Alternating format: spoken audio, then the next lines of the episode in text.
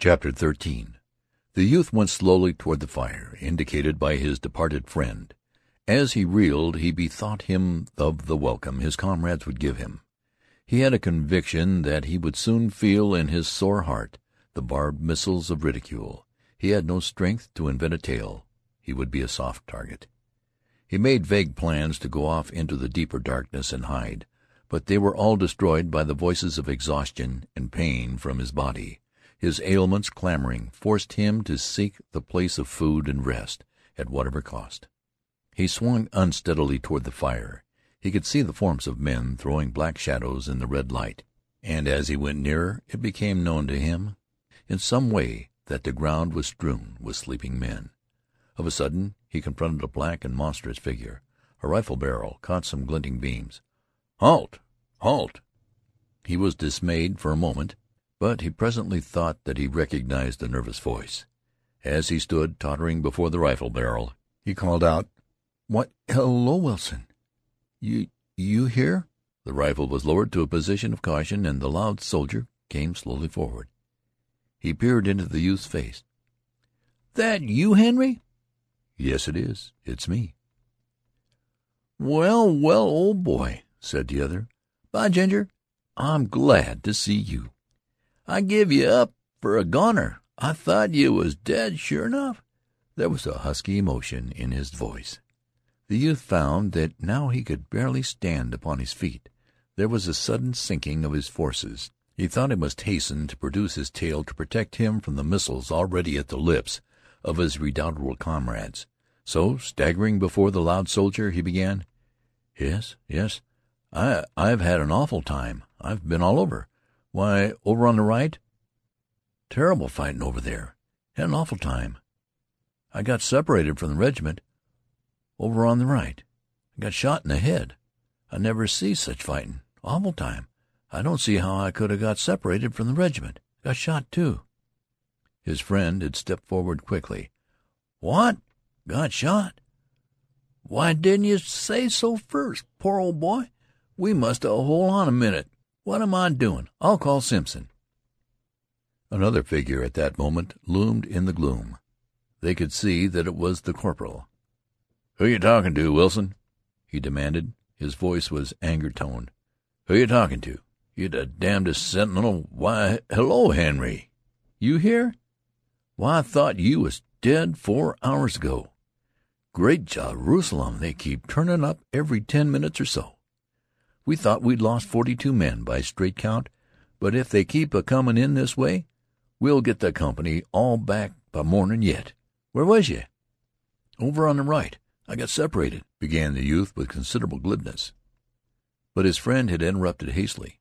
"Yes, an' he got shot in the head, an' he's in a fix, an' we we must see to him right away." He rested his rifle in the hollow of his left arm and his right around the youth's shoulder. "Gee, it must hurt like thunder," he said. The youth leaned heavily upon his friend. "Yes, it hurts hurts a good deal," he replied. There was a faltering in his voice. "Oh," said the corporal. He linked his arm in the youth's and drew him forward. "Come on, Henry. I'll take care of you." As they went on together the loud private called out after them. "Put him to sleep in my blanket, Simpson. And hold on a minute. Here's my canteen. It's full of coffee. Look at his head by the fire and see how it looks. Maybe it's a pretty bad un. When I get relieved in a couple of minutes I'll be over and see to him." The youth's senses were so deadened that his friend's voice sounded from afar, and he could scarcely feel the pressure of the corporal's arm. He submitted passively to the latter's directing strength. His head was in the old manner hanging forward upon his breast. His knees wobbled. The corporal led him into the glare of the fire. "Now, Henry," he said, "let's have a look at your old head." The youth sat down obediently, and the corporal, laying aside his rifle, began to fumble in the bushy hair of his comrade. He was obliged to turn the other's head so that the full flush of the firelight would beam upon it. He puckered his mouth with a critical air. He drew back his lips and whistled through his teeth when his fingers came in contact with the splashed blood and the rare wound. "Ah, here we are," he said. He awkwardly made further investigations. "Just as I thought," he added presently. You been grazed by a ball."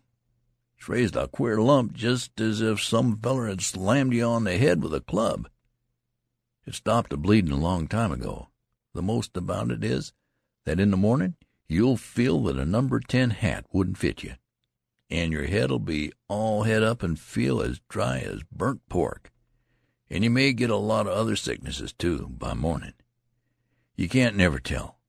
Still, I don't much think so. It's just damn good belt on the head an' nothin' more. Now you just sit here an' don't move while I go rout out the relief. Then I'll send Wilson to take care of you." The corporal went away. The youth remained on the ground like a parcel. He stared with a vacant look into the fire. After a time he aroused for some part, and the things about him began to take form. He saw that the ground in the deep shadows was cluttered with men sprawling in every conceivable posture. Glancing narrowly into the more distant darkness, he caught occasional glimpses of visages that loomed pallid and ghostly, lit with a phosphorescent glow. These faces expressed in their lines the deep stupor of the tired soldiers. They made them appear like men drunk with wine. This bit of forest might have appeared to an eternal wanderer as a scene of the result of some frightful debauch. On the other side of the fire the youth observed an officer, asleep, seated bolt upright, with his back against a tree. There was something perilous in his position. Badgered by dreams, perhaps, he swayed with little bounces and starts like an old toddy-stricken grandfather in a chimney corner. Dust and stains were upon his face. His lower jaw hung down as if lacking strength to assume its normal position. He was the picture of an exhausted soldier after a feast of war. He had evidently gone to sleep with his sword in his arms. These two had slumbered in an embrace, but the weapon had been allowed in time to fall unheeded to the ground. The brass-mounted hilt lay in contact with some parts of the fire.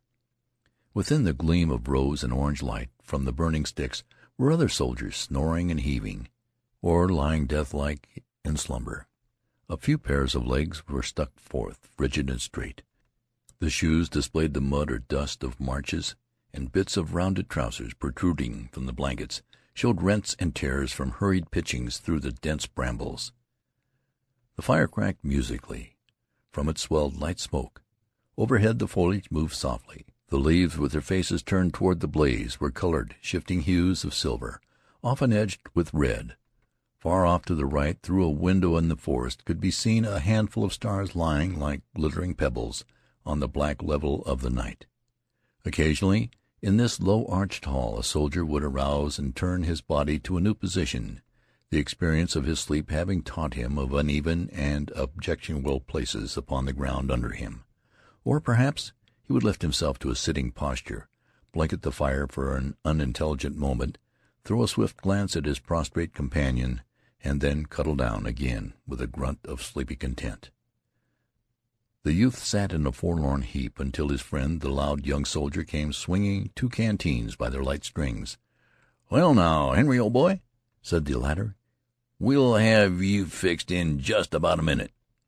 He had the bustling ways of an amateur nurse. He fussed around the fire and stirred the sticks to brilliant exertions.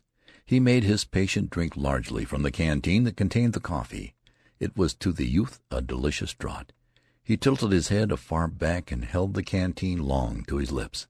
The cool mixture went caressingly down his blistered throat.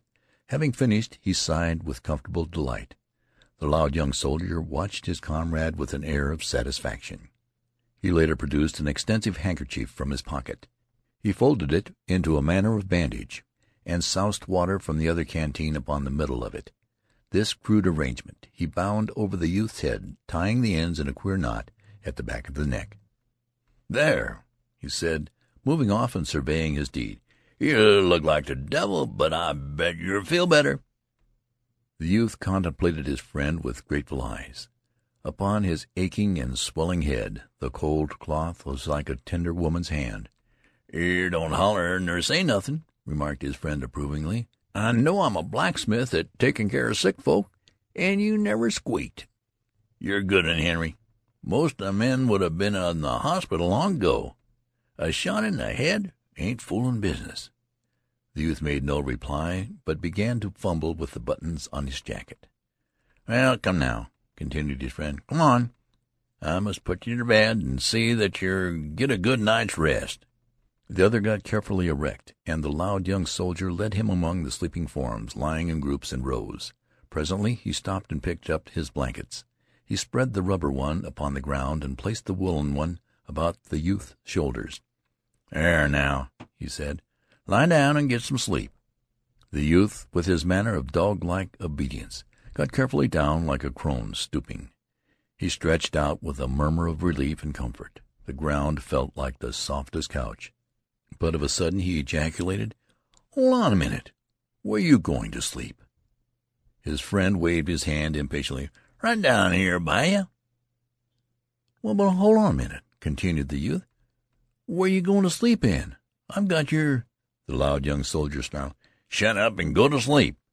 "Don't be making a damn fool of yourself," he said severely.